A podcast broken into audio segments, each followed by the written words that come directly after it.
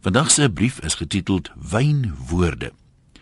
Oor die naweek hoor ek loslipse advertensie oor vandag se program en ek dink aan al die woorde waarmee wyn al beskryf is. Ek is beslis nie 'n wynkenner nie. Ek sou my graag self as 'n wynliefhebber wou beskou, al sê my skoonma wynvlieg is nader aan die waarheid. Ek het iewers gelees dat mense smaak verander soos jy ouer word. Glo veral wat wyn betref. Aanvanklik verkies jy soeter wyne, maar later ontwikkel jou smaak glo sodat jy dan droër wyne leer waardeer.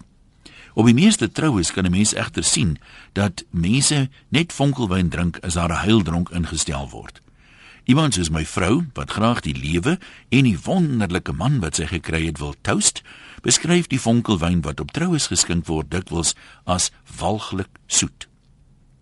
Toe sy eendag vra of hulle nie dalk droë vonkelwyn het nie, is die antwoord dat die lewe bitter genoeg is. 'n Mens moet soet champagne drink. Dalk is dit juis waar die knoop lê. Baie mense se proeknoppe kan, wel behalwe dat bokkom sout is, blykbaar net tussen soet en suur on onderskei. Soet is lekker en suur is sleg. Die einde. Punt. Tog moet 'n mens erken dat jy nogal op jou stukke moet wees om van die geure wat na bewering in sommige wyne skuil te identifiseer. Party van die geure geniet dit blykbaar om wegkruipertjie te speel. Vrugtegeure is oor die algemeen nie te moeilik om te identifiseer nie. Baie rooi wyne onthul 'n hele bos vol allerlei bessies, soms so met die eerste mond vol.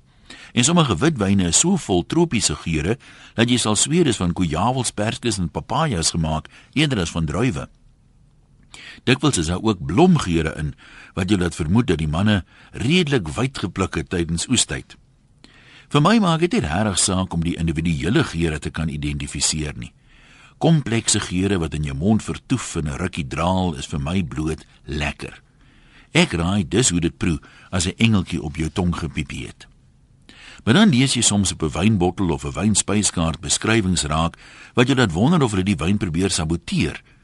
Ek aanvaar die doel van die beskrywing is om jou lus te maak om daai wyn te koop of te bestel maar ek moet erken, ek sal graag iemand wil ontmoet wat versot is op geure soos grotvloer, saalsak en potloodskaafsels. So 'n persoon is waarskynlik 'n senior lid van 'n voortrekker komando iewers en sy jou graag vertel dat 'n perd die ideale ryding is.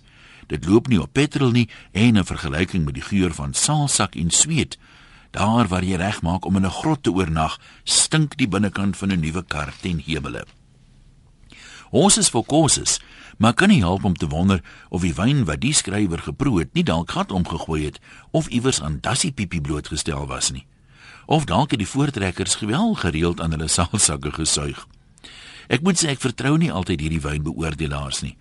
Ek was al by so 'n proeëry. Hoe verklaar jy dit dat 'n wyn 'n goue toekenning kry as dit ooglopend so sleg is dat hulle dit moet uitspoeg?